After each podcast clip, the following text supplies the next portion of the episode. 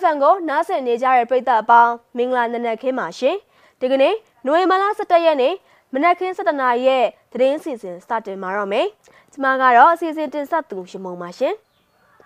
နိုင်ငံတော်ပုံကန်နဲ့စစ်တပ်ပိုင်းမြမစီးပွားရေးဥပိုင်နဲ့စီးပွားရေးကော်ပိုရေးရှင်းကိုအကြံဖက်စီးပွားရေးလုပ်ငန်းတွေအဖြစ် NUG ကကြေညာလိုက်ပါတယ်။မကွေးမှာတက္ကသိုလ်ပထမနှစ်ကျောင်းသူမက်ယွန်းလဲပိုကိုစစ်ကောင်စီတပ်ကဖမ်းဆီးထားပါတယ်။ မြို့နယ်လိုက်လူဦးရေစည်ရင်ကောက်ဖို့စစ်ကောင်စီခန့်ကော်မရှင်ကညွှန်ကြားလိုက်တဲ့သတင်းတွေအပါအဝင်တခြားစိတ်ဝင်စားဖွယ်ကောင်းတဲ့သတင်းတွေကိုတင်ဆက်ပေးတော့မှာပါ။ပထမဆုံးသတင်းကတော့စစ်တပ်ပိုင်းမြန်မာစီးပွားရေးဥပိုင်ကုမ္ပဏီလိမိတက်နဲ့မြန်မာစီးပွားရေးကော်ပိုရေးရှင်းကိုအကြံဖတ်စီးပွားရေးလုပ်ငန်းတွေအဖြစ်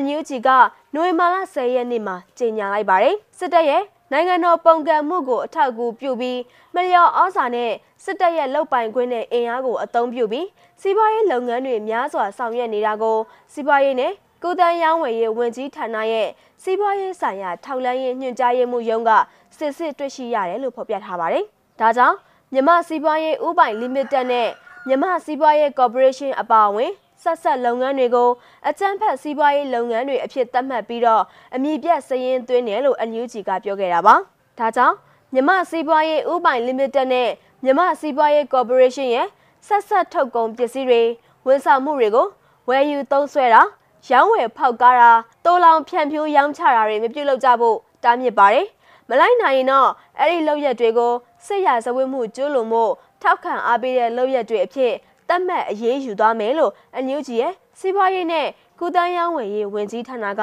ကြေညာလိုက်တာပါ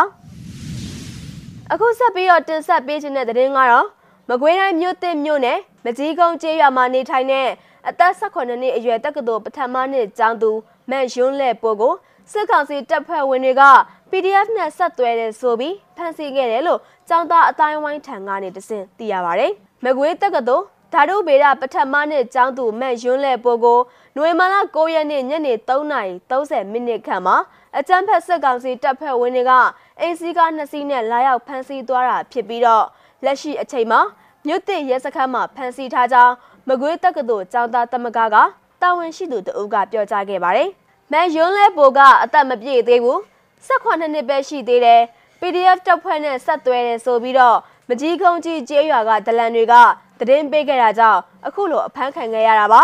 သူ့ကိုမြို့သစ်ရဲစခန်းမှာဖမ်းဆီးထားတယ်လို့သိရတယ်ဆိုပြီးတော့မကွေးတက္ကသိုလ်ကျောင်းသားတမကကတာဝန်ရှိသူတဦးကပြောကြားခဲ့တာပါဒါအပြင်တဝဲမျိုးစံချီရက်ကွက်နေပြည်သူသုံးကိုအကြမ်းဖက်စစ်ကောင်စီတပ်ဖွဲ့ဝင်တွေကနွေမာလာ10ရက်နေ့မနက်9:30မိနစ်မှာ Vigo ကားတစ်စီး Probox ကားတစ်စီးတို့နဲ့အကြောင်းမဲ့လာရောက်ဖမ်းဆီးသွားကြောင်းဒေသခံပြည်သူတွေရဲ့ပြောကြားချက်ရသိရပါတယ်။ အဲ့ဒီဖမ်းဆီးခံရတဲ့ပြည်သူသုံးဦးဟာဒေါ်တန်းဟိုဦးအောင်ကိုကိုနဲ့ကိုခိုင်ထိုးတို့ဖြစ်ကြောင်းသိရပြီးတော့မနက်9နာရီခွဲဆိုတော့အိမ်မောကြနေကြတာဒေါ်တန်းဟိုနဲ့ကျန်တဲ့ဦးကိုအိမ်ထဲဝင်ပြီးဖမ်းသွားတာ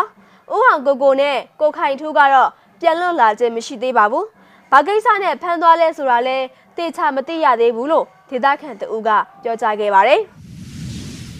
မြို့နယ်အလိုက်လူဦးရေစည်ရင်ကောက်ဖို့ စစ်ကောင်စီခန့်ကော်မရှင်ကညွှန်ကြားလိုက်ပါတယ်။စစ်ကောင်စီရဲ့ပြည်ထောင်စုရွေးကောက်ပွဲကော်မရှင်ဟာရွေးကောက်ပွဲပြန်လည်ကျင်းပဖို့အတွက်ဆိုပြီးတော့မြို့နယ်လိုက်လူဦးရေစည်ရင်တွေကိုပြန်လည်ဖြည့်ဆွက်ပြီးပြန်လည်တင်ပြဖို့လာဝကနဲ့အထွေထွေအုပ်ချုပ်ရေးဦးစီးဌာနကိုညွှန်ကြားထားပါတယ်။လူဦးရေစည်ရင်ကိုပြုစုရမှာ2020အထွေထွေရွေးကောက်ပွဲမဲဆန္ဒရှင်စည်ရင်ကိုအခြေခံပြီးတော့ရက်ကကျေးရွာအုပ်စုအလိုက်အိမ်နာစုစည်ရင်နဲ့တိုက်ဆိုင်စစ်ဆေးတာ ပြင်ဆင်ဖြစ်ဆွတ်တာပယ်ဖြတ်တာတွေနဲ့လာမယ့်ရွေးကောက်ပွဲမှာအသက်16နှစ်ပြည့်မဲ့သူတွေကိုထပ်မံဖြည့်သွင်းကြဖို့ညွှန်ကြားထားတာဖြစ်ပါတယ်။ပြန်လည်ပြုစုထားတဲ့လူဦးရေစည်ရင်းတွေကိုတော့လာမယ့်နိုဝင်ဘာလ20ရက်နေ့မှာနောက်ဆုံးထားပြီးပြန်လည်တင်ပြပေးဖို့ညွှန်ကြားထားတယ်လို့လဘကဝန်ထမ်းတအုပ်ကပြောခဲ့တာပါစစ်ကောင်စီပြည်ထောင်စုရွေးကောက်ပွဲကော်မရှင်ကတော့အခြေခံမဲစရင်းမှန်ကန်ရေးအတွက်မြို့နယ်လိုက် လူဦးရေစည်ရင်းတွေကိုပြန်လည်ပြုစုဖို့ညွှန်ကြားရတာလို့ဆိုပါတယ်။တစ်ဖက်မှာတော့စစ်ကောင်စီဟာလာမယ့်ရွေးကောက်ပွဲမှာ